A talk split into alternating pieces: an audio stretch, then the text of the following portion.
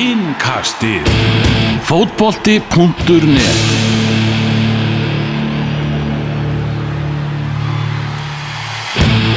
Velkomin í einkastið, í þættinum þá ætlum við að vera með íslenska landsliði aðhlutverki og gerum upp þennan 4-2 tableik gegn Albaníu í gerð. ætlum að skoða meðal hans framistöðu einstakra leikmanna og eh, möguleika okkar í þessum riðli.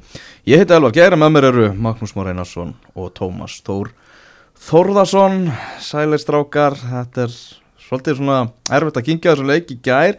Uh, ég er nú vanið því að vera á öllum landsleikjum, það var skrítið að vera heima í stofu og fylgjast með þessu og ég var eiginlega meira stressaður að vera að fylgjast með þessu gegnum sjónvarpið sko. Já, og, og, og það var eiginlega bara ástæða til að vera, vera stressaður sko. já, þetta var svo leikur sem að langkættulegast leikurinn í reyðlunum fyrir utan þess að leikja móti Tyrkjum og Frökkum. Það var alltaf að vita fyrirfram og, og þetta var test sem að því miður í þessari leiði fjall á í gær. Þú veist að líkið svo svolítið, við vorum að spjalla á hann við, við finna leikin Já, samt sko, já, að vissuleiti, þú veist, það, það, það var óvænt tap í, í Finnlandi, þetta, ég var miklu hrættar fyrir þennan leik heldur en leikina mútið finnum samt í undakefni HM, en þá kom Ísaka leiti baka eftir en leika mútið finnum og vann síðustu frjáleikina og, fór áfram á, á HM, þannig ég ætla að vona bara að vera saman på teinu núna, þetta sé svona köld vaskusa sem er njafnis af og, og klári síðan sæti því að það er, það er fínir mögulegan ennþá, ég held að þrýr sigrar í síðustu fjórleikunum klári þetta og hérna gefandi það að það þurftum að vinna Tyrkland, þátt útvöldi sem er mjög erriðt verkefni. Það hefur gert áður Já. og það er að gera það aftur í, í nógumver Bara fa fara þess yfir þetta, bara hvað, hvað þýðingu hefur tapið fyrir stöðu okkar í, í þessum reyðli uh, Tapir því að við, við erum þreymur stígum eftir Tyrkjum og, og Frökkum. Uh, við erum unnum Tyrkju og heimaðalli þannig að eigum innbyrjusviðurina á þá en þá og með því að vinna aftur í Tyrklandi þá, þá er nóg að enda með mjög stíðu Tyrkland því að innbyrjusviðurinni gilda á undan markatölu þannig að, þannig að þetta er allt opið en þá og, og, og það sem er kannski breytist mest við þessu þetta er að jattefli dugar ekki í Istanbul það er eiginlega Það er eiginlega stóra, stóra fréttin í þessu Tómas bara að við mistum réttin á að geta gert jafntefli í Istanbul og koma okkur þannig áfram. Já, það er alveg rétt, í raun og veru þurfum við samt, er þetta sko, þú veist að því vorum bara bakki inn að Finnlandsleika, þá var sko, var útlitið sko nánast eða svartar þá, þá endur við náttúrulega með því að fá gríðarlega óvanda hjálp frá Finnum Já. í, sem að náttúrulega hirtu hann að stiga af, af Kroati og, og náttúrulega hann að Búri Búri varð þjóðhetja. Mamman svo allir. Og mamma svo allir sko. Koma á Ölver síðan. Já, við alveg, hún var ekki uppselt vegna vinsalda og þann hitting. Sko, þetta er samt lítur eiginlega nánast Nei, sko, þetta lítur betur út fyrir okkur núna ef við hugsaum um hvað við þurfum að fá frá öðrum liðum. Við þurfum bara, bara, segir maður innan gæsalappa að frakkar klári sitt, við treystum bara á það, nefnum kannski helst okkur en ef við, ef við erum bara svolítið raunsæðir og hugsaum að við eh, ef, ef, ef við tökum bara okkur tap gegn heimsmeisturum frakka hér á heimaðli þráttur að sjálfsög að geta ná jafnvel stíja þeim ef ekki meira en ef þeir klára rest og það er meðal Tyrkina, veist, það er alltaf lægi að þurfa að treysta á Frakland á móti Tyrklandi, heimsmeistarana sjálfa Mm. að þá eins og Maggi segir er þetta bara að vinna hina leikina, en það er þetta jafntefli sem er náttúrulega búið að við erum búin að fyrirgera okkur þeim rétti að fara til Istanbul ekki nema að vinna frakkana. Ekki nema að vinna frakkana, þá vinnum við okkur aftur inn í jafntöflissettin í, í, í Tyrklandi. Og þar þurfum við bara hérna, að, að fá upp aðraðins framistöðu svo bóði var í uppi og í, í Eskisi hýri eða, eða hvað sem er. Það er, það er samt verður það verður snúnar að fara til Tyrklands vitandi það að við þurfum að vinna og, og Tyrkinni geta svolítið náttúrulega komið inn í leikin á þeim fórsendu sem við ætlum að fara inn í leikin á sko þannig að ég kannski hefur ekkert alltaf einhvern veginn henda á okkur eitthvað gríðilega að vera að sækja til sigurs, þáttur að við verjumst nú kannski oftast, oftast til sigurs. En til að byrja með þá kannski þurfum við að halda markinu á okkur reynu í Tyrklandi sem að var allan ekki upp á teiningunum í gær. Nei, hann var ekki bara tenningum í gær. Tyrkin er eiga Albaníu í næsta leik hann alltaf gæti líka úst, Já, mögulega. Viljum við fá hjálp frá Albaníu ef, þeir fara að vinna og marga leiki svo er það nefnilega líka, þeir eru bara þreymur stugum eftir þá endar þetta bara í tvekja manna sko, pókarlaupi á consecutive Sundays bara til winners is declared sko, þeir vita sem vita. Já, þetta, er, þetta verður allt saman áhugavert þetta, er, þetta er skýrist rosalega mikið í þessum næsta glugga því þá eru innbyrðsurinn og það er frakkan er að fara að mæta Íslandi og frakkan er að fara að mæta Tyrkjum. Mm og æntalega klára svona sitt dæmi og fara áfram. Já. Og, og, og þá er, er búið að leggja vonandi upp úslaðleiki í Nómaberi í Istanbul Já, við teljum okkur vera skrefi framar heldur en, heldur en Albania. En samt sem áður eru Albanir með fínt lið, mann fannst eins og svona einhvern veginn margir held að verum að keppa aftur við Moldófu eða eitthvað. Já, þetta var aldrei, aldrei það- Moldova er þetta bara mjög vondlið Já, Albania er með leikmenn sem er að spila í ítölsku aðdeildinni meðal hans hjá Lazio og, og Napoli Já, já. og svona. Mhm. það er alveg góði fótboltakallar í þessu liði, sko. Já, já. Og það er líka bara erfitt að fara þarna, stemming á, pöllunum og, og þetta var erfiðastu leikurinn fyrir utan þess að leikja á móti Tyrklandi og Fraklandi og, og því miður þá, þá gekk þetta ekki og Þetta var líka bara erfiðar aðstöður, erfitt, uh, erfitt ferðalag fyrir gamla skrokka sem eru bæði búin að vera meittir, helviti margar mílur á þeim, sumir hverjir ekki einu svona uh, í fótboltaliðum, þannig að það var allt einhvern veginn svona sem að var á mót okkur þegar að koma að undirbúningi uh, fyrir sjálfan leikin, ekki til að afsaka neitt, þetta var náttúrulega bara hörmunga framist að nánast frá, frá aðtilu fyrir utan svona uh, spretti hinn á milli. þeir komið fleiri ferska fætur gerur sex breytingar frá tæpur á móti frökkum á lögadaginn Já, á meðan að Ísland gerir tvær. Það var ekki líka bara munið fjórum árum á meðalaldri byrjunarleðsins Jú, jú. Já. Þetta er náttúrulega það sem við, við getum fengið í, í höfuð fyrir að hérna, vera að spila á bara EM 2016 liðinu. Að hérna, við fáum auðvitað reynslu og svona, hvað var að segja fáum reynslu, við fáum náttúrulega það að menn þekkja náttúrulega vel inn okkur annan og þetta sé bara frábært liði sem við náð rosalum árangri en að því sögðu að hérna, með eldri menn, með skilur við þreytta menn, með strákar sem er ekki svona að spila að þá er þetta alltaf á móti, skilur Þetta verður erfiðar og erfiðar en maður hækkandi aldrei að vera að taka svona leikur á laugadegi, ferðadagur á sunnudegi svo bara komin dagur fyrir leik sko. Algjörlega, já, algjörlega. og blöytum og erfiðum öllum og hérna Já, því aðstæðana voru líka erfið sko. Hiti og raki og Þrumu veður með þess að líka. En þetta er svo, eins og Heimir Hallgrímsson sagði svona þúsund sinnum á fréttahundum small margins. Og Já. þetta er það, ég menna í stöðinu 2-2 þá fannst mér momenti vera svona snúast Ísland í hag og svo skora þeir 3-2 nokkur myndur senna Maður er svo mikil 3-2 Ísland, Ísland er allt já, maður er svo mikil trúar á þetta lið að ég er alveg saman um leið og Colin neldi hann inn uh, öðru markinu og jafnaðan leik. Ég, ég var ekki sko nokkrum vafa um að við myndum vinna þetta. Nei. Þess að það var sko þriða marki sem að þeir skoru það var bara svona, það var eiginlega sjokk fyrir mig. Mér kom, mér kom svo óvart við myndum ekki ekki klára hann leik. Í báðum jöfnunarmörkunum þá fekk ég þá tilfinningu bara herðu nú siglus já, það er nefnilega málið. Þetta er, þetta, þetta er þessu litlu aðri þrátt fyrir að þeir voru miklu betri sko. þeir voru miklu meira með boltan sko, spila betri fótbolta, þeir fengu færin en maður var bara einhvern veginn svona já, þú veist, seen this before. Veist, þetta er ekkert eitthvað mál nema fyrir utan kannski málið var að við vorum að fá okkur mörkana en komum tilbaka í 2-2 ég bara, ok, veist, þetta er bara, þetta er bara komið Kolli komin inn og hann er að fara að jafna markamæti hérna í, í næsta marki, ég var líka svolítið að gæla ef að Jóndæði myndi jafnvel skora eitthvað sigumark eitthvað svona fyrir svona vinnuna sem að að leggja í þetta. Hann yfir svona, var á hann Dauða, dauða skatta líka sem Já. hefði getað komið okkur í 3-2 skömmu eftir 2-2 og akkurat einmitt í þeim mómentum? Þú veist þar voru við að fá ég færi er að segja það, ég er að segja það, svo þetta var að bara snúast. kemur þarna hinum megin 3-2 og, og náttúrulega bara skellur þetta að horfa á þetta. Já, við förum bara aðeins fi- yfir um gangleiksins, bara mark fyrir mark. Uh, þeir komast yfir á 30. og annari mínútu og þrátt fyrir að svona eftir erfiða byrjun hafi við, við, vist eins og við varum svona aðeins að rétt úr kútnum þá var þetta ekki gegn gangi leiksins. Nei og þetta var líka bara þetta var úr karakterístika liðinu fá marka svo úr förstu leikadri og Er þetta fast leikadrið þegar fast leikadrið er liðið? eða? Hvernig, hvernig skráðu sér? Já, ég myndi þetta, þetta er- Kemur upp á föstu Já, já, leikadri. þetta er uppsett Já. allir, ég menn allir inn í teiga en þá en, en sem ég- er svekkjandi náttúrulega er að þeir hafi spilað uh, okkur út á hotfánunum það er bara verið ein, ein, þeir senda tvo út og hafi bara einn íslendingur með út og, og fyrir vikið er miklu betri vingil fyrir fyrirgjöfuna er, er, er, þetta, er þetta skilabóð frá þjálfurunum eða er þetta mistök? Var eitthvað sem að glimti sér? Ég held, ég held að þetta séu freka mistök Þú veist, eða fara tveir út þá á einhver annar að Þú meina ef, ef að vera að taka stutt hot Já. og hafa verið tveira hotfónunum Já. að þá er svona þjálfræðilis eðlis að senda tvo á móti Já, að sé allan annar klár bakvið í hjálpavörni minnstakosti og veist, og mér fannst Emil Halters brást mjög seint við, hann var einhvern veginn út í uh, vítisbúinu fyrir utan Já.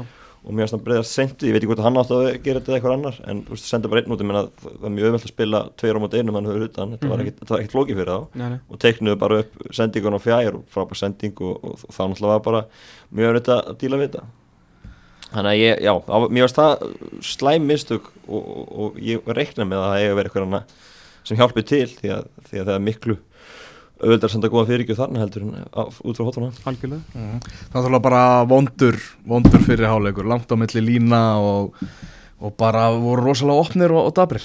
Mér veist bara vörninn sjaldan fá minna cover frá, frá miðunni heldur en bara heldur ég nokkuð tíma séð áður sko. Ég veit ekki, ekki alveg hvað það var. Samt átt á þétta miðjuna frá því að móti Moldova Já, ég bara það er einhvern veginn svona komið moment í þessu leik þar sem að Aron og Emil einhvern veginn virtust alls ekki vera að bjóða upp á ég bara nægilega góða framistu til að hjálpa mönnum þarna fyrir, fyrir aftansið sko. Og hérna þeir spiluðu sér svo segir og bara frekar oftan í gegnum línunar þau voru að fá áttu ég að fá fleiri aukaspinnur hérna svona í og í kringum tegin þegar við Mhm. vorum einhvern veginn að elda á þegar þeir fengu tækifæri bara til að hlaupa í, í gegnum okkur.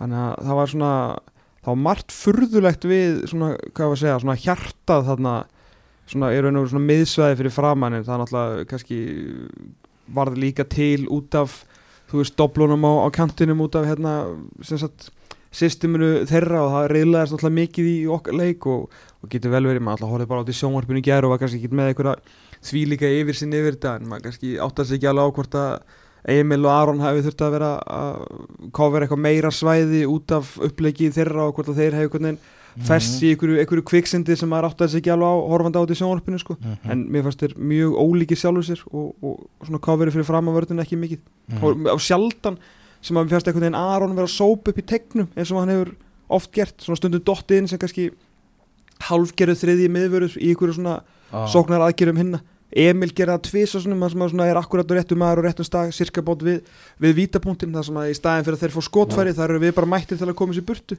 Og maður svona sé það oft í svona leikjum á móti liðum sem að eh, það sem að hitlið er meira með boltan og er að dæla meira en á tegin en, en mér fannst annars ekkit rosalega sjáanlegir hérna vartansinu með miðmennur okkar. Nei, sóknarlega voru þetta einhver langskot frá Gilva sem að maður voru að gera eitthvað í, hálfleik svo kemur náttúrulega setna hálfleikur og þar eigum við drauma byrjun Mhm. þegar uh, kemur þessi hörmula hreinsun hérna hjá, hjá albunum boltin á, á Rúnar Má og hann og Gilva Rúnar Már gaf samt fyrir fyrst, hann tók þrýning sko. Með, haf- með hafsendinu vera það var mjög skilðið hann dansaði með. Já. Sóknin var mjög góð sko. Já. Já, þú veist bara, vegspilið var bara frábært og Mhm. hérna, þokkum kjallaði fyrir svo umulugur heimsun en menn þurfa að vera vakandi og gefa annan góða boltinn á tegin sá var sallar ólugur hérna skafferingurinn og sett á gilvað sem að skoraði. Mhm. Síðan jafna þeir bara ekki mörgum mínútum síðan og komast þá- yfir síðan- aftur. Já, komast yfir segi aftur. Uh, og þá galopnaðist vörn íslenska leysins að þetta var, það var ekki tekið á þeim að þetta var frábær spil hjá þeim. Já, algjörlega, ég hérna að rifja upp annar merkinu Grísuðin, hælsendíku hann á milli. Kára og, og Hjartar. Var Hísæ sem skoraði hana komst í gegn og, og setja fyrir með Hannesi Já, já, þegar Hjörtur mætti í tvöföldum Já, og Kári trompaðist já, já. Já. og hann hérna hælsendingan á milli er að eh, vel gert skástrík mögulega eitthvað hefni sko, Mhm. hvernig þetta æxlaðist allt saman en, en góð sókn og hlaupi kemur á miðjunni og er enginn sem pekka mannin upp og, og Hjörtur mættur í kannski full, full allt kára, ég veit það ekki þannig að Já, alltaf bara allt og nátt Kára þetta var bara, það var ekki góður nei, nei, góður varnarleikur hjá, hjá Hirti þarna Nei, nei. það sást líka á viðbröðum leiðtóhans í vörninni Já, að hann hafði gríðarlega lítinn húmor fyrir þessari Já, já, Kári, hjálpar vörn hjartar hann sko. Kári var, í- var í manninum þannig að þetta var svona já, þetta var ekki gott og, svona alltaf kemur þetta að hlaupa á miðjunni og, og enginn sem stoppa það og, og, og þetta var já, þetta var ekki gott. Við einblínum svolítið mikið á svona okkar lið og bara ef að við erum góðir þá erum við bara að vinna alla. En albanandi voru helviti góðir í svona leik sko. náðu, þeir eru bara að spila góðan bolta og bara tóku yfir leikinu hans frá, frá fyrstu mínútu bara með veist, gott spil bæ, bæðu vangina gegnum miðina, voru að fá krossa voru að fá færi og við vorum bara svolítið á hælunum í 45 mínútur og, og hérna, rosalega ástrið að líka í þeim sko, þeir Já. voru hrikalega peppaðir. Já, þetta var, maður sá það alveg, þetta skiptaði miklu móli En fögnu En það er- mörgunum alveg alveg bara rosalega voru það er- þeir eru ennþá veika von núna þeir eru alltaf verið steinduður riðill og eru verið enga keppis undir fjóruleikunum þeir eru veika von núna eftir að hafa unnið þetta í gær. Já, við náðum að jafna aftur. Kolli náttúrulega nýkomin inn og sem varamaður. Kári Átna með, með skemmtilega stóðsendingu hérna. Jú, bara Mark Bentur réttar á skóla og verði eitthvað bara góða með það á gott höfs Já, frábært að tjókara Já, en slúktið hjá Kolbeinni það er bara tilraunaverkefni hjá Hamren er, að- er að virka með, með Kolla. Já, maður hugsaði bara hérna fyrir það sem á að sé hérna Óli Gunnar Solskjær markasirpuna frægu ég man ekki hvaða mark það er sem að skora hvort það sé hérna sturlaða marki sem að skora mútið Lill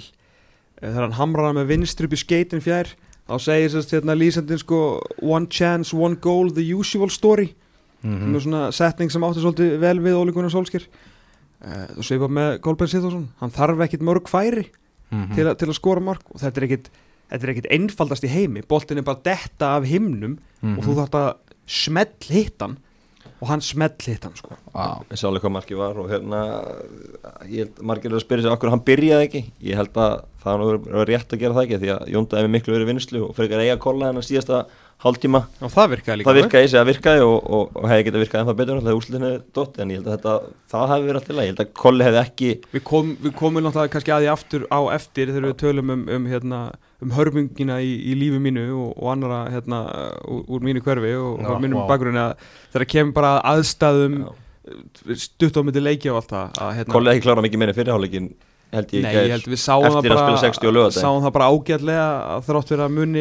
Hvað, 7-8 árum Já. á Kára og Kolla að þá er Kolli kannski ekki 90 mótel lengur í skroknum sko. Nei, nei. þannig að þetta var bara þetta var hárrétt að láta hann ekki byrja innleik Já, já, en það kom hann inn með krafti Já, og annað í því, fólk er líka kvartið af hverju að skiptu leikkerfi Íslandi er búin að spila þetta 4-5-1 kerfi mjög oft og eiginlega bara alltaf þetta var undirtegninga mótið Moldova þeir eru svo lélegir að þetta fjölga sóknarmönnum Já, bara ekki lendi því að vera með einhvern eitt framherja og vera ennþá í 0-0 stöðu til 60 mínútur og allir eitthvað að hrista, Ná- Nákvæmlega. hrista sko, Þannig að bara, það var bara, það var bara mjög eðlert og maður búist ekki einu öðru en færi þetta í gæð Nei. og það var ekkit, ekkit út af það að setja. Mér Nei, við höfum spilað þetta kerfi með Ég- mjög já, er Tyrkjum, líka þetta að kalla þetta þú veist, fyrir það sem að Tyrkjum heima og annað sko. vilja kalla 4-4-2 Já, með Gylfa, já, geta alveg gert það því að. Gilvi var og köplum sko í fyrirháleik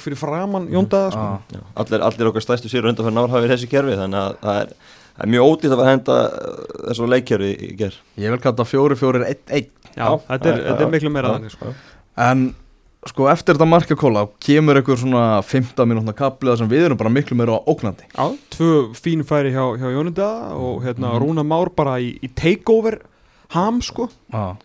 bara frábær En svo er allt einu ítt á einhver takka á albunum og þeir bara En það er náttúrulega, veist, mörg breyta leikjum og svo klísið sko, þannig að Já. það, þetta fór helviti, þetta fór þar eiginlega. Já, en svona það, þeir voru að herja á markinu okkar áður en að, að, að, að jöfnunumarki kemur sko. Nei, hann að 3-2 marki segi Já. kemur uh, 3-2 marki, hvernig, já, það var þegar hann boltin fór af kára og í neti Þetta ógeðslega ljóta mark Já, Hannes er nú líklega varið hann bolta Já, ég meina aftur er bara, móti- skilin eftir í svæði, allt hann- og langt frá manni, lætur lappa fram hjá sér. Hann átti á að vísa honum frekar í hina áttina sko. Emitt, Það var hleypa honum inn í skoti og Það það, áttur að Birgir Már Sæfarsson hafi, verið bara sá heiðarlegast í bransanum og, og heldur áfram með einhvern veginn að styðja mannin sem er bara að hyrða þessu stöðuna, hans helsti stuðningsmaður. að þá hérna, verður ekkert að því tekið að, að hérna, auðvitað var fekk hjörtur litla hjálp þú veist að hérna, fínar umræða líka hjá, hjá Dotta leikni og, og, Magga Marka og Twitter í gæri með um þetta svona, Mm. svona, svona þjálfræðilegar umræðar með um í hversu erfiða stöðu hjörtur Hermansson var settur Já. en að því sögðu þá hefur Birkjum á Sæfarsson lendi í til dæmis mjög erfiðri stöðu meðal annars að þurfa að gæta Angel de Maria, Mhm, skilur Já. og hefur leist það ágætlega mhm. og stundum getur bara gert betri hluti sem einstaklingur eins og að taka ekki svona ránga ákvörðun eins og öðru markinu vera nær manninum. Og skilur það er allir eins og allir sammála um það að, að Hjörtur Hermansson var settur á mörguleiti mjög erfiða stöðu en stíðu það bara upp og vertu aðeins betri. Þú veist, ekki vera valdur af einhverjum tveimur, þremur mörgum Mhm. skilur, þú veist þannig að þetta var fyrir þetta það síðan kemur skoti og fer náttúrulega af Kára sem er náttúrulega búin að verja fleiri skot heldur en Hannes jafnir gegnum tíðina. En á þessu sinni Algjör þá fór þetta bara á honum og í netið sko. Algjör róni Og svo 83 minúti þá gera Albanir út um þetta, unnu þarna fjögur, tvö sigur og bara íslenska liði langt frá sínu besta en eins og við fórum fram, fram að kom fram hérna upp að þáttarins þá lifir vonin. Förum aðeins yfir hérna uh, framistuðu einstakra leikmann og horfum nú kannski aðeins líka í, í fyrirleikinni í þessum klukka. Uh, Hannes, uh, lítið við hann að sakast í, í þessum mörgum Já, ég meina það verið þetta ekki, hefur verið fínt ef hann hefði varið þarna annar markið, þú veist, ferðu í one on one og það er frábælega klárað. Að en, en hérna, annars var hann aldrei nálætt því að gera neitt í þessum mörgum sko. Nei. Uh, Hjörstur Hermansson Það er náttúrulega villott vera þannig á samfélagsmiðlum að, að sofa sérfræðingar og aðrir leita blórabögli. Mm. og uh, helsti blórabökullin var Hjörtur Hermansson í, í ger fekk náttúrulega, hann fekk bara útreið á Twitter. Já, já, hann eins og Tom sagði, settur í erfiða stöðu en hann er nálægt öllum mörkunum og eitthvað nátt hann tapar skallavoltunni í fyrsta markinu svo er hann komin úr nálægt kára í öðru markinu, í þriðja markinu hleypar hann mannum inn í skotu, í fjóra markinu hann spila úr út á hann fyrirgjöfum kemur. Þannig að hann er nálægt öllu og, hefði geta gert betur klálega í, í, í mörgum aðtökum en hann alltaf settur í mjög erfiða stöðu. Og ég spyr mér líka sko vinstramenn eru með Hörbjörgun og Arafrey að berja þessu stöðuna, það er hörku samkenni Hjörturinn er ekki menna samkenni í, í liðinu núna. Birkimár er ekki í hóp. Mm. bara henda hún út úr hafsuga mögulega þetta setja hann inn á í ger Sverri Ingi, hefði hann getað leist hægri bakurinn í ger hann var á upptíkinn til að vera með. Já, þannig að veist Hjörtur, ég menna hver sem Hjörtur hefur bara meðist veist, hefur sett Samúl Kára eða Guðlu Viktor eða hvert hefur farið skilur í, Ég í, í, því? það var, sett- það var bara það sem að spurði sig þegar hópur á sett manni Ara, Ara öfugan fót og, og hörð vinstra megin er það ekki, er það ekki líklegast líklegast, líklega. En þú veist, en, en hann er heldur ekki með neina sangin og það sást alveg í fyrriháleika hann væri í brasi, en það væri ekki hægt að gera hann að skiptingu. Þú veist, við höfum séð áður, ég minna, við munum í Tjekklandi 2014 að Teodor Elma var búin að spila hærabakurinn Mhm. hann væri bara ströggli, tekið nú þetta klukkutíma. Bara gera skipting, þú veist, það er alveg hægt að skipta varnamönnum út líka ef eru í bara í brasi eins og í gær, skilur, þetta var bara erfið leikur, erfið veist, og kannski þetta er meiri, meiri reynslu, Sko, þú Birkjum, ert- hefði Birkjum var komið inn og veist, ég ekkert sem veist, hann, hann spila 91 landsleik. Hann hefði mögulega getað stöða blæðingun eitthvað liti í ger Já, ekki spurning, þetta er náttúrulega auðveldastu aft- eftir á skýringar sem til eru og náttúrulega örgulega, þú veist, þeir sem að eru þú veist, vissu að þessi umræða myndi koma og finnst það örgulega, þú veist, mjög eitthvað, þú veist, ódýrar, en þetta er samt alveg, alveg rétt, af því að pælir í því, sko sama hver hefði komið til að byrja með Hjörtur Hermansson ekki hæri bakurur, byrjum bara því. Fattist er þetta 23 mann landslishópur þar sem að vantar heila stöðu. Hjörtur Hermansson tala líka bara þannig sjálfur. Ég vona það að ég sé bara tímabundið að spila þarna Já. því framtíðin ég að vera í hafsend í þessu Já. Einmitt, en veist, hefur leist þessa stöðu vel það sem af er, skiptir ekki máli. Í 23 mann hóp er engin hægri bakurur Já, þessi slaka framist að hans í gæri núlar náttúrulega ekki út flotta framistu í síðustu ekki. þremur ekki, sko. en engin hægri bakur í 23 mann hópi síðan lendum við í því að maðurinn sem er ekki hægri bakurur er ekki að spila vel í hægri bakurið og þá er engin hægri bakurur til að leysa af hægri bakurið skiptir engu máli hvað hefur verið gert í háleik eða fyrr, sem ef þeir hefur viljað gera ykkur breytingu og ekki treyst, þú veist, eða einmitt bara vilja stoppa þetta strax í háleiknum að þá er það annarkvort sko, kannski þrýr möguleikar á miðjumönum hann, Samuel Kári Guðlu og Viktor, mögulega Birki Bjarna þú veist, segir bara að hann er svona utility guy. eða þá, þú veist, miðjumæður sem er bakvörður hjá okkur, þú veist, í Ara Frey skilur sem er svona, svona líka Já. svolítið svona utility menn hjá sín liðum, en á öfum fæti í bakvörðinu, skilur já, engin lausn í háluleik hefði verið eitthvað draumalust af því að Birkjum að Sæfarsson kemst ekki lengur í íslenska landslýshópin Birkir Már er að tapa svolítið á því að við erum með landslýstjálfara þú veist, sem er Erlendur uh, heitir Erik Hamren og hann, þegar hann tekur við, skilur þá er náttúrulega Birkir Már bara í basli í val, eins og reynda fleiri við erum náttúrulega Já, markurinn er í basli í val sko. Já, já, algjörlega og svo erum við líka með veist, annan og Pepsi Max deildin í byrjunarliðinu í gær og tvo sem eru án félags. En þarna, þú veist, Erik Hamren hefur náttúrulega ekki séð Birki Más eins og við höfum séð hann on the long run, bara sem leikmann sem að gera ekki mistök, bara er nánast bara er ótrúlega áreðanlegur og getur alltaf treyst á hann sín leik bara, það skýrist ekki máli hvað hva level hann spila, hann einhvern veginn fer alltaf á sama level, hefur gert það ekki ennum tíðina veist, við höfum bara lifað með okkar fótbolta og í gegnum bara stuðning með, á íslenska landsliðið í gegnum þetta sem Erik Hamren hefur náttúrulega ekki gert sko. og Birgir Már er klárlega að tapa á því sko. En það sem, að, það sem ég, eina sem ég fyrir skríti í þessu er að ef við ætlum að halda áfram að treysta Hannes Þór Haldósinni mm. fyrir að vera landslýs Hannes eins og við tölum alltaf um sem að hann heldur áfram að gera Eh, ég meina fjögum ekki gæri það var kannski erfitt verið að gera eitthvað í þessu en, en, en þú veist, eins og hann svaraði til dæmis í, í þar síðasta glugga uh, af hverju fær Birkirmár ekki landslýströstið fyrir hans Já. 89-90 landslíki Freysi talaði með yngastuna á uh, lögðaðin hjá okkur að, að framist enn í mars þeir eru ekki ránæði með hana í móti Andóra og Frökkum Birkir, hefði- það, það, sinna væri, það væri stóra ástæð þess að Birkir hefði ekki, ekki væri ekki lengur í liðinu. Mm -hmm. þannig að það, þú veist, það er þeirra mat en ég held og, að, ég held að hljóta og, og, líka, og svo líka með Hannes ég manna ef að Rúnar Alex hefði ekki meðist hefði hann ekki spilað júniklukkan mm, eftir marskluggan eftir masklúkan Hannes startaði án, sem í án liðis eða veist, án spila mennsku Já. í mars. Á mútið Já, Já, nei, nei, nei, ég Hannes uh, bara löngu búið Hannes Ok. er nummer eitt í þessu. Þú veist, það hefur farið meira eftir marskluganum út, annað, út að Erik Hamren sagði í masklúkanum fyrir masklúkan, hann er sem markmaður nummer 1 Mhm. og sagði fyrir júniklúkan við skulum bara býða og sjá. Veist, maður veit það ekki. Nei, nei, en, en Já, ég ég- held að Birkir hljóta að koma allar inn í hóp í oktoberverkefni þó ekki væri nema bara til að þá bara pússa eins á, á stöðuna þú veist, Mhm. að hérna með allir sína reynslu og annað þá hljóta hann að fá, fá sensinum bara í 25 ára hóp eða hvernig sem það verður og hérna og það að byrkir líka þannig gaur að hann getur sínt bara hirti líka bara stuðning er algjörlega Já, hann er á að gera það en ekki svona í hópnum sko. Nákvæmlega. er að segja vinnu sín sögur að- hvernig það spilað þetta hann hlýtur að geta hjálpað hirti og hérna og ég held að það væri bara mjög gott, hann frábær, frábær karakter og, og Freysi saði náttúrulega líka yngastun á, á lögati en hann vonaðist til að það væri ekki búið hjá Birki Þú veist, hann svona alveg gaði alveg vel út í fótinn að þetta væri, hann ætti afturkvæmt í hópin og svo gerist þessi leikur í gær þannig ég held að, held að hann veri alltaf í hópnum næst. Ég bara vona að, að þjálfara teimið sem að ég veist um að sé að fara að gera kannski meira á við Hamren að því við þekkjum hann ekki ég persónulega að hérna, það heitir ekkit eitthvað að kingja stolti eða eitthvað þannig, menn, veist, alveg eins og þetta long run hans á, á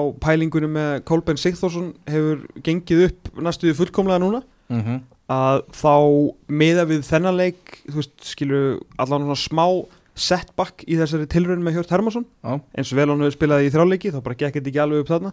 Og að, ég meina, Birgir Már Sæfarsson hlýtur að minnst okkar að vera í 23 manna hópnæst ég bara, ég trú ekki öðru sko, þetta er allt og mikilvægt og það sem eftir lifir þessar keppni. Já, og svo er alltaf líka Pepsi Max deildin að klára hún í lok september þannig að líða 13 daga frá því hún klárast þannig til að leikur er frakkar þannig að þetta er engin tími, þú veist, þannig er bara í fínu standi og, og, og klára er, þetta. er hann að það er leikaðing og annað þannig að það verður ekki þannig mál. Já, Kári og Raggi, það er ekki að hvernig degi sem að þetta miðvarapar fara á sig fjögumörk í, í, fótballtaleg Nei, svo sannlega ekki sko. Maður hérna aðstæður, flug, aldur var alltaf að bara farið með náttúrulega kára eins og við sáum að hérna meittist á endanum og maður svona veist, þetta, þetta er mjög svona tvíþætt sko, það er náttúrulega væri mjög öðvöld fyrir mig hérna að standa bara á, á öskrinu sko, að langa bara helst að að reka Hamren og Frey fyrir þetta sko. Já, fyrir þá hlustundur sem er ekki að kveikja þá er Kári náttúrulega að spila með Vikingi Reykjavík og Já. Vikingur Reykjavík er að spila byggarúslitaleika móti FH á laugadaginn og Mm. nú er það bara ljóst að Kári er off í,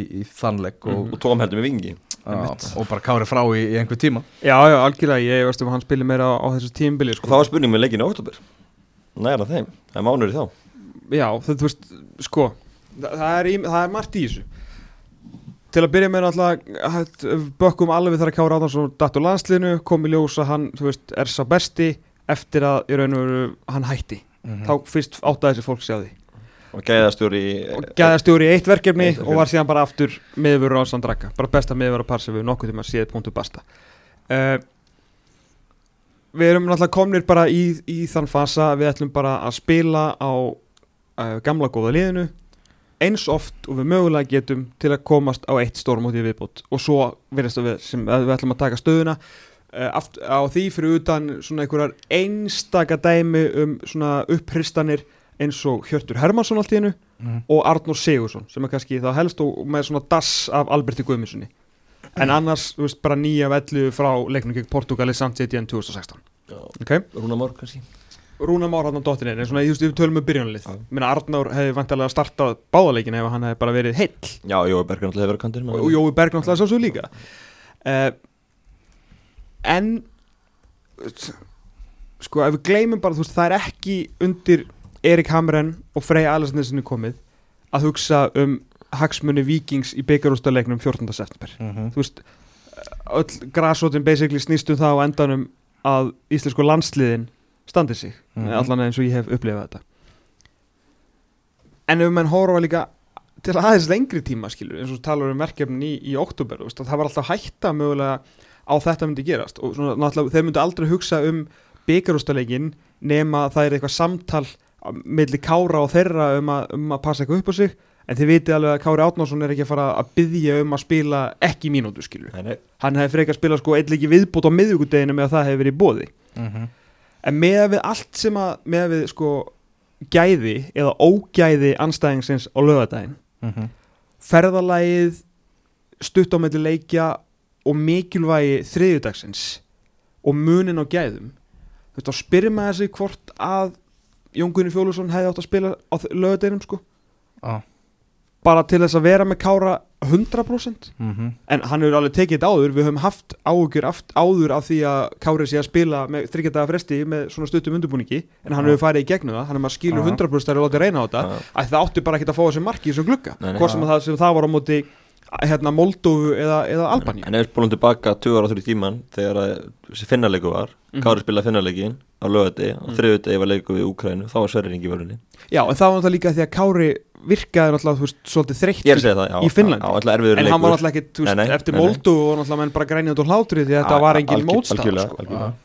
Þannig að, ég er að segja að menn hafa splittað þessu hafa, þetta, hafa, hafa gert það á áður, milli leikja sko. það er það hefði ekki verið förmurinn í því ef það hefði verið gert alls ekki og bara líka að því að var svona mikill munur á anstöðu, hefði mikið þurft að hafa hennar áhyggjur með Jón Gunnar Fjólusson eða, eða, eða hvert sem er á móti Moldófu sko. Þú veist, það bara hefði einhver móli skipt. Ef að Kári voru offi í næsta gluggar þá Fjólusson í hjartavarnarna ég, ég trú ekki öðru. Ég, ég trú ekki Já. að, að víst, ég veit að þetta er allan sagt að þetta sé gert í einhverju samráði að Sverri Ingi færi heim og það er verið að hugsa um sko, þeir eru náttúrulega að hugsa um að, að menn sé að spila með sinu liðum, ég meina þú veist, Kolbjörn á valin í landsliðið þráttur að hann væri ekki í, liði einhvern veginn til þess að hann myndi síðan komast í lið og, og það gekk upp, þannig að það er ekkit ólíklegt ef að ef, að, ef, að þetta, ef þetta gengur upp einhvern veginn á Sverri að hann verður bara byrjunleis með af því að hann fór heim í þessum klukka að þá mun hann byrja næstu leiki. Mm. ef að Kára off, skilur en, en ég kemur ekkert óvart að, hérna, Jón Kunni Fjólusson fái núna bara sig, ég er búin að skjóta sig fram fyrir Sverri.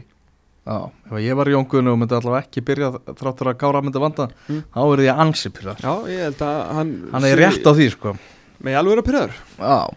Uh, Rúnar Már Sigurjónsson hann var uh, besti leikmaður Íslands í þessum leik og svona velgenglega hans veitur stjórn Erik Hamren heldur áfram. Já, ég held nú að Gilvi hann er heldur að vera kannski besti leikmaður Mm. liðsins uh, yfir, yfir 90 mínútur en, en næst bestur og með, með frábæra innkomu mm. uh, var Rúnar Már Sigurjónsson, ekki, ekki spurning. Meina, hann var bara í öllu, hann var að vinna boltan sjálfur hann hóf sóknir linkaði ágætlega við Gilva laðið mark, laðu mark. Vinnur skallaboltan í, í öðru markinu hann, hann, hann, sko með sko. stóðsendingu og leikilsendingu í, skilur, í báðum mörkunum eftir hann kemur inn á. Þannig að það er alveg innkoma sko. Áttur að hann ekki gert neitt annað hefði það verið nóg. Já, vin- vinnur skallaboltan á móti tveimur albunum, rétt fyrir þann Mhm. deg og Kári flikkunum síðan að kolla að skora. bara sama djöfisins ákveðin í þessum gæja alltaf þegar hann kemur inn á. Fyrir utan að hann er bara bara með svo miklu meiri gæði heldur en fyrir nokkrum árum síðan sko. Við sjáum bara hvernig hann er að spila með Astana, þetta er bara gæði með með fullt sjálfströst og, og ég, hérna, ég held að stundum sem er Manchester United með bara að vera stressaður, aftur á móti veit maður ekki þú veist hvort hann muni vilja skora á móti United. Maður fann að heyra svo mikið. hversu mikið stuðnismæður hann er sko. það mun ekki fagna markinu að skora á Old Trafford. Það var þetta gott. Það væri mjög gott, það væri alveg nýtt það er næstu viku það ekki, ég held að það sé bara strax eða næstu þannig viku. Það er, Er svona stutt í það? Er fyrsti leikur og, og hérna aðstanna í Jafnvildin er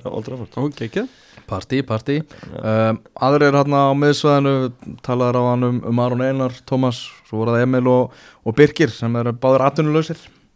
Já, Emil bara svona upp og ofan en, en, en Birkir svona uh, kannski gera ekkert eitthvað ekkert eitthvað sérstaklega mikið sko. Nei. vonandi verði báði konur með lið og búin að spila eitthvað leiki áður en að kemur á næsta kluka mánuður í það.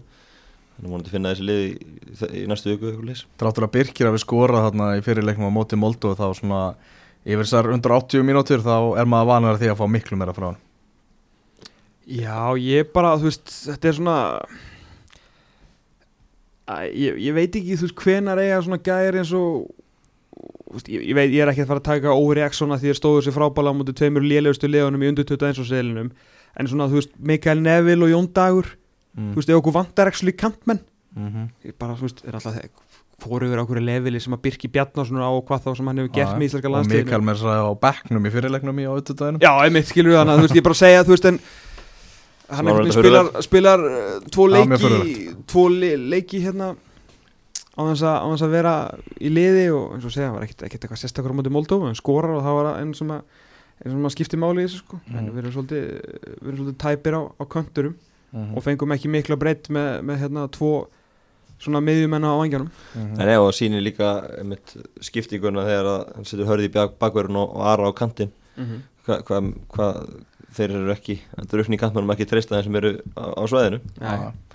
Uh, Gilvi, hann var náttúrulega ábyrrandi í þessum leik eins og segir og, og maður hefði kannski vilja eitt marki viðbútt frá hann Já, eitt, eitt, eitt af þessum láskotum hefði mátt fara réttu með við stöngina. Já. Uh, og Jóndaði, hann bara já, fjekk ekki úr mikla móða, hann gerði bara það sem að Jóndaði gerir. Já, hann fekk samt döða færi. Það er rétt. Ég meina þessi cross frá Ara er, er, er beauty. Ég meina ég get ekki, ég horfa á þetta nokkur sinnum Ég var svona pæli hvort að Þetta verður eitthvað góða varnarleikur, hvort hann náða að stíga hann eitthvað út en, en bara því miður þá hitti Jóndaði bara ekki í boltan Hann hefði getað komið með flugskallan hann og stanga hann í netið. Og svo líka skotan yfir uh, Kolli sendi fyrir og tók hann á lofti. Já, uh, Þannig að tölum við um það áðan að, að þetta var mjög eðlileg bara uppstilling á, á íslenska liðinu. En hefðu breytingarnar sem Hamran gerði uh, skiptingarnar, hefðu þær geta hefnast betur? Kolli skorar svo skiptingu þurfum ekki að ræða hann sko. Rúnamár leggur upp, leggur upp og, og, á, á leikilsendingu á hérna bara skiptingarnar í leiknum sjálfum, ekki byrjunulið uh, Já, já, já, í inn í leiknum. Já, Já, Kollaskiptingin var, var góð en eins og ég sagði þessi skipting setja Hörburgun í bakvörun og Ara á kantinn það er spurning hvort við hefum átt ykkur aðra mögulegu kantinu þar. Nú nefndir að Arn og Sig hefði náttúrulega Já, meina, þú veist, nú að- erum við að tala um leikmenn sem voru ekki available, sko, Ég segi þannig það. að möguleikarnir gær á, við vorum alltaf með alveg gnótt, af miðmönnum, Arnór Ingvi, það Arnur geta komið. inn eða Albert eða eitthvað lesin en, en það var náttúrulega með Albert á kantinn, þetta er bara að fara að setja mann út úr stöðu, það er þá verið Arnór Ingvi, já, Arnór Ingvi mögulega, sko. en, en það var ekki og svo setur hann við inn á hann að síðastu mínútur sem ég ástæðlega eðlilegt, Jón Dagurinn þrættur og við getur, getur skora mörg þannig að það var alveg eðlilegt að, taka háskendingu. Eins mikið og þeir tegðu okkur, þá náðu við náttúrulega rosalega lítið að, tegja á þeim og búa til einhver alvöru svæði fyrir, fyrir frammeirinn okkar, náttúrulega út af því að, hérna, miðmennir okkar, eða þú veist, miðju kantmennir okkar, vildu náttúrulega rosalega mikið koma inn á öllin, báðir og Birkir náttúrulega dregur sér alltaf virkilega mikið. Að við áttum eiginlega engan möguleika nema þessa skiptingu með aræmið upp á kantin, að halda ykkur smá vitt og fara að krossa inn á tegin og það er alltaf að setja nokkra krossin á bóksið með, með Jón Daða og, og Kolben þar inni. En okkur vantar eitthvað svona okkur, okkur vantar meiri vít skilur, okkur vantar Jóa, auðlustlega og, og, og eiga ykkur möguleika og reyna aðeins að tegja á svona liði sem að hafi gekk ágætlega að loka ágæt þegar við vorum að koma með allan herskarinn einhvern veginn á, á mitt svæði sko. djöfull að að, að vanta Jóa. Það er ræðilegt sko. Það er stórt sár. Það er mjög Það stótt svar og, og það síndi sér bara til að myndi í gerð hann er búin að vera bara einn allra besti leima í landið sem mörg ár. Mm. og hérna þetta var uh, ég held hann einu og ná sér fyrir oktoberleikina sem betur fyrr, Já, þetta var klárt þá. Mhm. Það var, hérna, var eitthvað um Íslandingu hérna í, í stúkunni, það var náttúrulega KSI bauð formönum í Pepsi Max deild kalla í, með í, í flugið og, þeir voru í góðan gýr já, og þeir voru, Býtu nú, hvað, ha?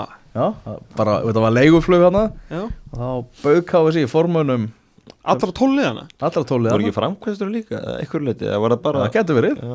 ég sá að segja Péturs var hann allavega ég veit ekki hvort hann er ferð þá bara fyrir hönd káa kannski já, Var Haraldur Haraldsson þarna sem stjórnamaður KSI eða sem form, eða hann er í landslisnefnd náttúrulega Hann er í landslisnefndi? Já. Nú, já, ok, þess vegna hann í jakkafutum hann er fulltrú ITF í landslisnefndinni Nú, nú já, komin í KSI dressið Já, og einmitt. landslisæfingum og allt sko. Sjaldan verið glæsildri mikið Já. gera á halla, svo er leikurinn á lögadaginn Heldur betur Úf, það verður erfitt fyrir hann að horfa hann að leiki í, í ger en kannski, ég glemt að spyrja hann hvað gerður þegar þú sást kára að tóna Ég gæt voða lítið gert Ég bara, sjónvarbreyka ekki geta að kenna það í ennast liðis ég sat einhvern veginn í, í stólnum mínum Ég var svona sægrænan IKEA stól Svona sem, ég manni hvað hann heitir En fólk veit, að svona, svona semi-hægjenda stól.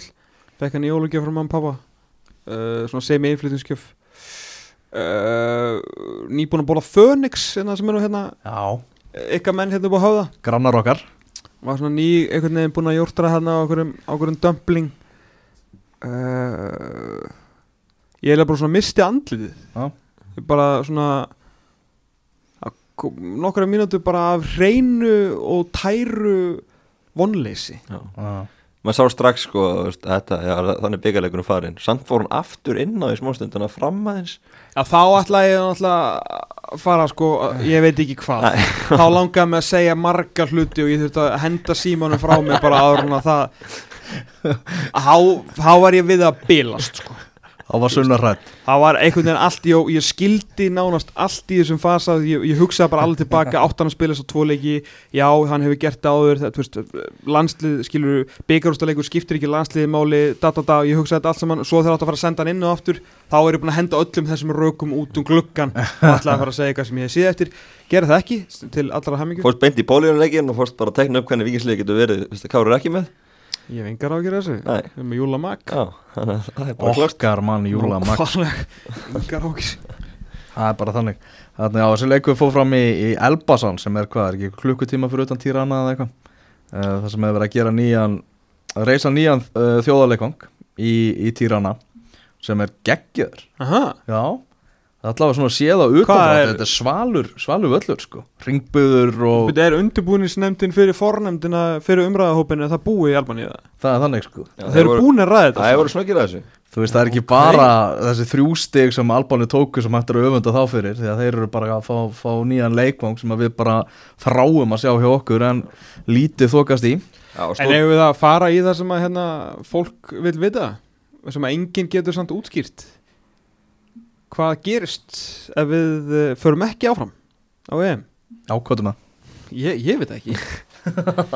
Ég, Einan sem ég geri alltaf þegar hérna, við vinnum með töpuleikjum aðlað þurfi töpuleikjum og það er svona meiri möguleikur á því að við förum hérna uh, í þetta umspill þá fyrsta sem ég geri alltaf er að fara á Twitter ágengin hjá bróðir dómsmálaráþra já, ég sammála því. Hann er er alltaf með all, allar útskýringar klára hann er, Magnús Sigurbjörnsson uh, er alltaf, hann er sérfræðingur í reyðlamálum Já, og hann segir sem sagt hér uh, eins og staðanir í dag myndu við fara með hollendingum, Sviss og Ísrael í fyrirlega umspil. En hann alltaf, hollendingar og Sviss er alltaf að fara á EM en við höfum engar á að gera því. Það getur þó fljótt breyst, hollendingar og Sviss er í bötlandi senast uh, da, da. umspili myndi breytast í Ísland, Norður Írland, Búlgara, Búlgaría og, og Ísrael.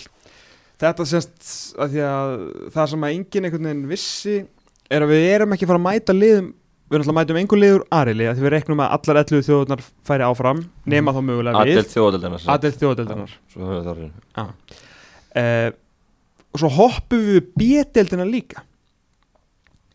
Ah. Af því að þar er einhverju þú veist, ég ætla ekki einu svona þykja að skilja þetta sko. það getur enginn, það skilur þetta enginn sko. ég er ekki viss um ég er ángríns ekki viss um að UEFA skilji þetta sko. Ég er bara að mæta bara leikin í mars Bara sjá bara þá sjá bara hverju um mig ég ætla bara, bara að býða eftir að vera í þetta umspil og bara svona, ah, ok en sagt, Norður Írland er í bérili neðsta lið, eh, B-deild neðsta liðið þar samkvæmt þessu, e eru við að fara að mæta þeim og Búlgaria og Ísrael eru síðan í C-deild. Búlgari er rosa vondir. Það það eru er góða lægð. fréttir. Það er lægð þar. Já, en Minn heldur sér fræðingar þar Gunnar Birgis og hann segir að það er uppbyggingafasi í gangi. Það er að Þannig að- eins og staðið núna þá ég veit ekki hverju næst er, það vantilega Búlg, Búlgari eða Ísrael Mhm. uh, Ísrael, já. Þá, eins og staðið er akkurat núna ef við reiknum með að Holland og Sviss fari þá eigum við sem sagt, leik sem efra sít á móti Ísrael Mhm. í mars. Já. Og hvað er í veröldunni sá leikur fyrir fram, veit enginn. Á þórsvelli í færum einmitt, Já, við bara býðum og sjáum og ef, ef, ef það gerist eitthvað þá þurfum við bara að taka, taka á því. Það kemur ekki til þess því að Ísland mun vinna þrjá að sýstu fjórum. Vinna Kærleiks Bjarnamaggi er mættur aftur. vinna Tyrkina með e- einu marki og og þá var þetta komið. Já, þetta er hérna, tölum aðeins aðeins kom inn á svona samfélagsmiðla og hvernig svona overreaction dettur, þetta er bara í ökla eða eira, annarkvort eh, eru menn bara að líti út eins og þeir haldi ekki með íslenska landsliðinu, mm. milli þess sem þeir eru bara, vei, nú ætla ég að fara hérna út á EM allstaðar og allir í stuði Já. og umræðan sem er náttúrulega mjög auðvelt að taka upp þegar við töpum leikjum það er hérna meðalaldurinn og hvað við erum gamleir og eitthvað bla bla Mm. bla uh, þetta verkefni að yngja upp í alhansliðinu þarf, þarf eitthvað þú veist, þurfa að fara eitthvað að keira, keira á það það þarf náttúrulega einhverju leiti að fara að gefa mönn, yngri mönnum leiki mm. þetta er ekki eins og í handbóltanum þar sem að að og tala um að það fyrir 30-40 leiki til að verða nei. sem að er, er er alltaf fundist mjög sérstök umræða uh, sérstaklega það er kannski það sem að ef að menn spila 30-40 landsleiki þá telst það bara helviti fínt Mm -hmm. uh, hvað er á að gefa þeim leiki þú veist Já. Það er náttúrulega þið klassiska janúarverkefni. Mm uh, það og, er og, og, já, búið að tala um En- það að þessi núverandi hópur við trúum því að hann er eitt stórmót eftir. Já, ég meina, þú veist, það er líka málið. Veist, það er bara verið að keira á þessu liði fram, Mm. fram yfir, yfir stórmóti En eins og tölum við um aðan, Moldova heimaðalli menn voru kannski hrættir að það væri eitthvað bann í því en þeir eru ekki góðir og það hefur verið hægt að gera meiri breytingar þar. Það hefur verið að taka skiptingarnar fyrir þar. Já, en þú lappar samt ekki blindandi í gegnum alveg af, af bannahjónum þegar þú ert með besta liðið í bóði sko. algjörlega, algjörlega. Þetta er ekki æfingar. Nei, veist, Þetta eru þryggjastega leikir. að skiptingarna fyrir fyrir ekki sextega leikin Já, alltaf taka skiptinguna fyrr, skilur í þeim leik, og þú vorum að gera skiptingu 850 það var veist, í stöðunni 3-0 það er aðeins að, þú veist, aðeins að eh, gefa mönnum eh, hérna, kvíld þar. Og næsti leikur á móti frökkum heima alltaf förstu skvöldi þannig að spila bara sama gamla bandið svona mestuleiti og, og besta liði meðsli, leikbönn þreita, eitthvað, kemur mjög allt til, það var andor og heima alltaf mánudaskvöldi og þó þurfa að gera eitthvað tvæð þrjá breytingar þar þá það ekki koma sög Nei, en Það var hver eru þá að koma inn? Þú nefndir á þann, ég meina, þú var ekki með þessu verkum Arnur Sig, skilur Já, en hann, þú veist, talandi um að yngi upp þá er hann nú líklega orðin starter í þessu liði. Já, já, svo Jafnvel. með, já, svo ertu með hérna með spurningum með hafsettina hvort að Kári spilaði ekki og hvernig, hvernig það verður. Mm. Þú mútt ekki fara að yngja neitt upp það nei, nei, nei, nei, það er rétt. En, en þú getur allan að allan er- ef Arnur hefði spilað líka, þannig hefði að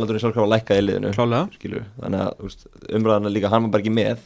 Hann kannski komin lengst af þessum ungu strókum þannig að hann er þannig að ég, ég, ég held að við, hópur verður eitthvað sem notaði aðeins meira. Hversu ungur hann verður nákvæmlega veit ég ekki en, en að hópur verður notaði meira í þessu oktoberverkefni Það er náttúrulega bara, þú veist, önnur umræða sem er rétt og á fulla rétt á sér að að nota hópin betur því að þetta eru fullt af góðum leikmannum hana sem eru mjög reynslu miklir og bara frekar gamlir og með fullt af, hérna, fullt af leikjum fyrir félagslegin sín.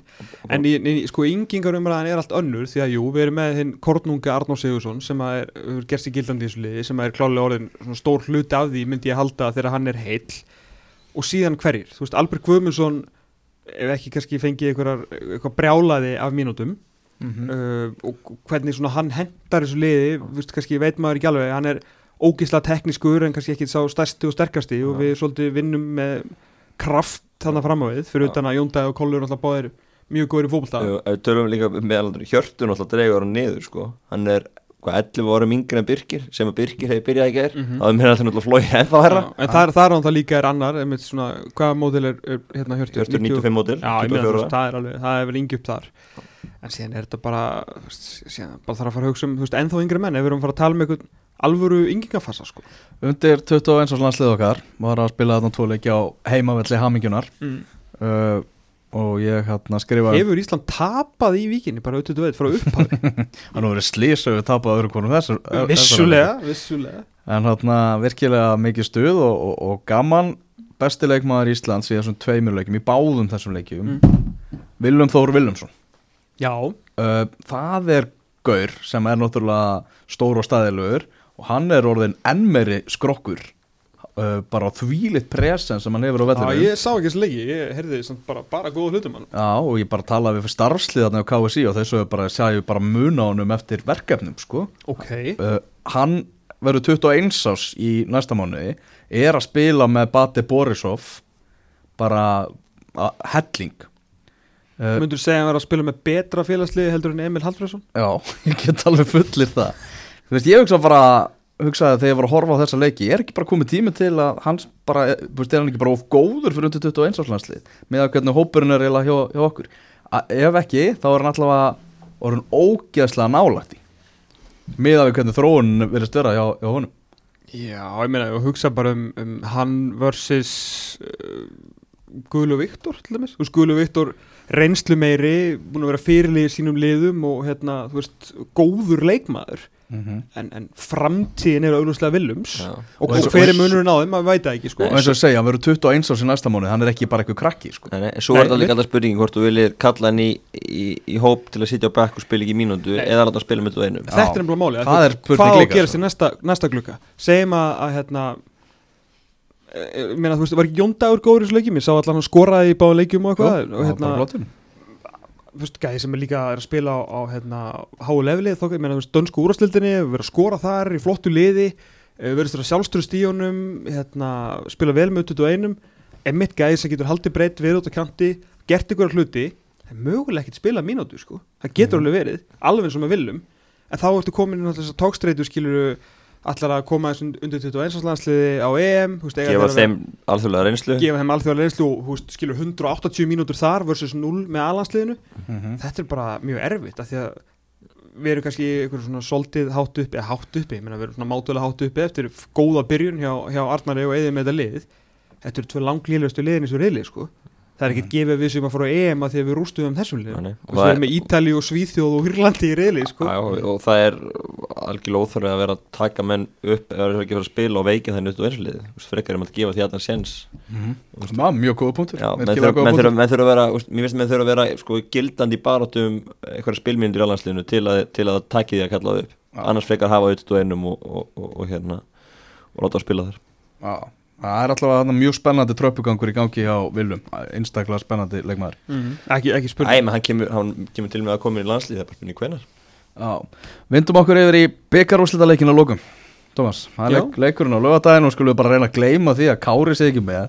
Það Hvern- er alveg fullt af fleiri flottu fótbollaköllum eins og vikingsliði Já, sko þetta snýst ekki bara um, um meðslinn þið verður líka eins að hugsa bara hérna, uh, sko vikingar í heilsinni eru náttúrulega í, í sárum í dag og eru búin að vera í, í sárum frá því gerðkvöldi uh, ég held að áhuga mennum íslenska boltan Mm. Pepsi Max deildina og við tala ekki um sérstaka áhuga mennum mjölkurbyggarinn mm. uh, þetta er náttúrulega mikill skellur fyrir leikin Já, þú veist það hefur ekki svona stór prófíla leikmanni mm spilað þennan stærsta einstaka leik ársins nei. skilur -hmm. þannig að þetta er, og mikill karakter líka er ekki bara með sér leikmannum heldur líka bara já bara í svona stóru leik að hafa Kára það Arnarsson það er gulsi gildi.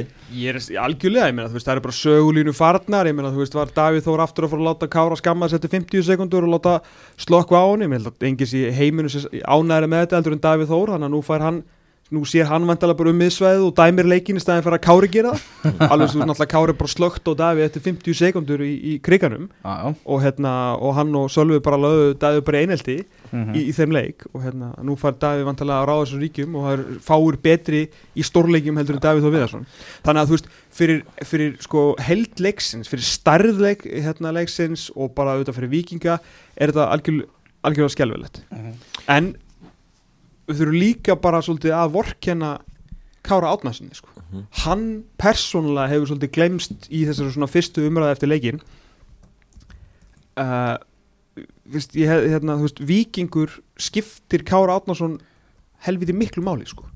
og þetta var alltaf algjör drauma aðstæða til að vera komin í að vera komin í byggarústaleik og geta unni titil og þann fyrsta síðan 1991 sem reysastór póstur með þínu uppbyldisfélagi sem að hann elskar þetta félag svolítið mikið sko og hver veit, nema, veist, hver veit að hann fái svona tækifæri hann á ekki það mörg ára eftir í boltanum Mm. þannig að þú veist, allir sem eru að vorkina sjálfum sér og, og íslenska fótboltanum og mjölkubyggarnum, Mhm. þú veist, taki ykkur 15 sekundur og vorkini Kára Átnarssoni aðeins Mhm. Þú veist, þetta, er, þetta, er, þetta er mjög þetta er mikið áfall fyrir hann persónulega Mhm. fyrsti byggjumsleiku vikings er 1971 Ertu og, búin að- og annar í sögunni Já, ertu búin að sofa í, í vikunni? Er, er þetta, hvað eru við stættir í, í spennunni? Búin svo mikið að gera hjá Tómas hann har ekki haft tíma til ég að var, stressa sig Fyrst þurfti ég að vera spenntu fyrir hérna, að fara með minn fyrsta Patriots leik. Síðan þurfti ég að hafa miklar áhugjur af, af, hérna, af þessu leik í gær. Þannig að síðan alltaf á svona vonleysi hérna í smástund þannig að þetta er svona, ég er að byrja núna. Já, sem betur fyrr, það er alltaf að sofa var já. maður. en það verður rosalega dag fyrir, fyrir vikinga alltaf, Þú ert ekki að fara að lýsa síðdeðisleiknum í anska boltarum á Nei, alveg rétt, það ég er ekki, ekki var að gera það. En, hva, en, en, en þú veist, það verður hátíðar dagvandali í vikin, er þetta ekki, veist, er ekki allir í félaginu gríla spendi? Jú, ég meina, þú veist, þetta er náttúrulega bara þetta er bara svakalega stórt fyrir, fyrir hérna Það alltaf öðru sem fyrir vikinga verið í svo leikutun F F hafi farið í byggjumsleiku undan fann árunni titla og allt þetta skilur en þú veist, það það er búið að býja að talast lengur í vikinni ég meina bara frá því 2004 hefur þetta verið nánast einn samfeld veistla hjá, hjá F-fáingum þáttur að þeir sé ekkit verið stórkostlegir í byggarnum með að við yfirbyrja sína á Íslandsmótinu undanferðin 15 ár. En, en það er alveg rétt að hérna, það, er, er gríðarlega spenna í, í vikinni og það er hérna einhver svakalur hérna, hoppukastala hátíða dagur í fram að leik og svo rútur á, á völlinu og svona og ég er bara að vona að, hérna, að allir, nú, nú köllum við alla glóri höndirina alla kampaðins vikingana, ég veit ekki hvað þeir eru margir sko. Mhm. en ég, þú veist, þetta er ekki, þetta er ekki stórt hverfi en ég vona svo sannlega að það láti nú allir sjá sig og hérna við, þú veist, við förum alveg í gegnum þetta á Kára Átnarsson sko, þú veist, við unum alveg leiki án hans og munum vinna leiki án hans sko. Ég held að vera ógeðslega skemmtilegur byggarústalegur ég held að hann líka, ég held að veri mjög skemmtilegur. Af hverju er hann klukkan 5 í fyrra sóttuðum frestun stjarnan og breyðblik og byrjuði hvað 1915 eða eitthvað? Félögum bara ráða þessu sína milli. Já, bara það þetta þótti ef sko, ég spurði að þessu. Og kaldi og menn, mönnum þótti þetta misafnast Já. með stjarnan breiðablík ég, Já. hérna Það var svolítið kalt. ég sótist hart eftir að fá hann leiknum 7 Mm. að því ég bara, ég hugsaði alltaf um KRF á 2010 Já. sem ég veist svo geggjaður. Uh, var leikurinn á sama tíma fyrir það, var hann á var hann í Já. svona september eða? Já, já hann setið byrjuð ég er ekki alveg búin að ná af hverju við erum hættir að spila þetta á, á ágúst. menningarnótur lögadag ég, að það var alltaf gott viður og fullt af fólki, þannig ég næ ekki alveg þessu konsepti. En fyrst þetta komið svo langt inn í hérna, september að þá þótti þessi leiktími á stjórnanbreiðablík misefnast í fyrra af því að það var alltaf ógæstlegt veður og kallt, það fór í vítaspunni þannig að leikurinn á búum bara eitthvað undir 11 ég, þú veist, I should know, ég stóð þarna úti með, með Gussa Jalla og Indriða í úlpu og var bara með einn hanska fyrir það sem var munætti og ég var frosinn Mhm. á annari höndinni þannig að það er ástæðan og upp á bara barnafólk og svona þá vil fólk fari heim bara af leiknum árun á búið það er fólk sem er ungböts Sam og gerist þegar breyðblik hefti í úrslutum hvað 2009 Það fyrir ekki svo þegar blikarnir í úrslutum þá var kalt. Já, þeir eru nú fram og enginn horfði á byggarvændinguna og allir frjósa. Leikur alltaf í oktober þá eða eitthvað. Þannig að hérna en þá verða En eftir. árið undan káði fjölir í snjónum. Já, þannig ég, ég er eiginlega ég er eiginlega tíma ágúst frekar að fara Já, aftur. hund- 100% sko. og þá er líka Kári spilað það er alveg að fara í ágúst núna allavega úr þessu. Úr þessu Úr þessu, þá- það er þá það. þurfu þá þurfu víst en nema þú viljið fresta og hafa Kára með það geti ágúst á næsta ári. Ég er til. Er til. Það er hægt að gera það. Við vorum alltaf að veðuguðinni fara aðeins að breyta spánleysinni svona hvernig er spáman fyrir þegar núna erum við að tala um 10 metrar á sekundu uh, grænjandi rigning Já. og 8 gráður. Herru, ég er, ég er að fara í hérna, byggar fjör á förstudaginn já, hjá F-fæðingum uh, sem er bara allt gott að blessa og ég farið að náður með þér með, Mhm. annars og oftast þegar ég farið þá hef ég verið að hitu fyrir Pepsi Max dildina mm -hmm. og ég reyni að- gera allt sem ég get fyrir liðin ef, ef þau hafa einhvern áhuga á að fá Mhm. mig í eitthvað, ég meina, flóið til Akureyrar og verið hjá fjölni og bara, þú veist, Mhm. og, hérna, og teka ekkert fyrir þetta og bara, hérna, eins og Stefán Pálsson segir alltaf, ég er mjög ánægð með, sko, félög geta fengið Stefán Pálsson í allt, sko, sem sagfræðing, Já. að koma og hann rukkar aldrei, því að hann er bara með prinsip, hann rukkar ekki félög en hann rukkar KSI já, ég er mjög ánægð með það sko. en hérna sérst þannig að þeir erfóðingar sem eru hlusta eh, hérna, Bjarni Þó Viðarsson verður hérna og, og ég og ég og Bjarni erum eh, einstaklega skemmtilega saman en það sem ég næ ekki alveg við þetta byggarprepp startur ég hlakki mjög til að hitta báða þessa menn Já. Er innkoma gumma ben og mána uh, en þeir verða semst, semst stendur svona í auðlýsingunni þessi F-fóðingur mætir sem er svo Bjarni Mm. svo stendur vikingur sem er þú sem er ég Já. og svo K.R. skástrík Valur við Guma Ben og Stjarnan við Mána þú veist, all, þú veist, þeir eru mjög skemmtilegir og hafa báður alltaf geta sagt svona sína hliða á máluna því að ég, ég mun alltaf bara tala um að vikingu sé að fara að vinna leik já, og allir í FH séu auðmingjar og Bjarni mun gera stíkt út á móti fattaru, að vikingur, þú veist, enga sögu og get ekki neitt í byggar og sé að vinna þetta. Þannig að þeir komur með mjög skemmtilegt mótvegi báður mjög skemmtilegir menn. En K.R. Valur og Stjarnan ég næ ekki alveg ég voru nú einhvern veginn með í þessari keppni fyrr, á fyrri já Vissulega, og stjarnan alltaf ríkjandi vikamistar þetta ég, þetta verður örugglega mjög gaman. Ég, hérna, ég veit ekki og svo eru Oktoberfestið, það er ekki líka í kriganum eitthvað? Jú, Þetta sést að kostar 2000 skallinn Nei, það það er frítt inn held ég á, á þetta fyrstæðin sem er í hátteginu í, hérna, í Sjónarhóli. En það er Lambalæður og Bernes uh, á 2000 skonur Svo er Oktoberfest um, um kvöldi sko. já, fer ekki þetta og sleppi lambalæður og berna sko. Það er mjög gott. Frá eitthvað sem heitir Kænan Ég veit ekki alveg hvað er En við höfum fengið þetta og Þetta er rosalega gott. Ógæslega gott. Rosalega gott. Já, það er þannig byggarústaleikur á lögadaginn og svo bara aftur landsleikir í oktober Elvar Gjær, Tómas Þór og Magnús Már þakka fyrir í dag veriði sæl Ertu í vandræði með að finna leikin? Hann er pottet hjá okkur. Erum einnig með púlborð, pílu, gott á grillinu og enn betra á dælu. Sportbarinn Ölver, skemmtilegasti barinn á Íslandi.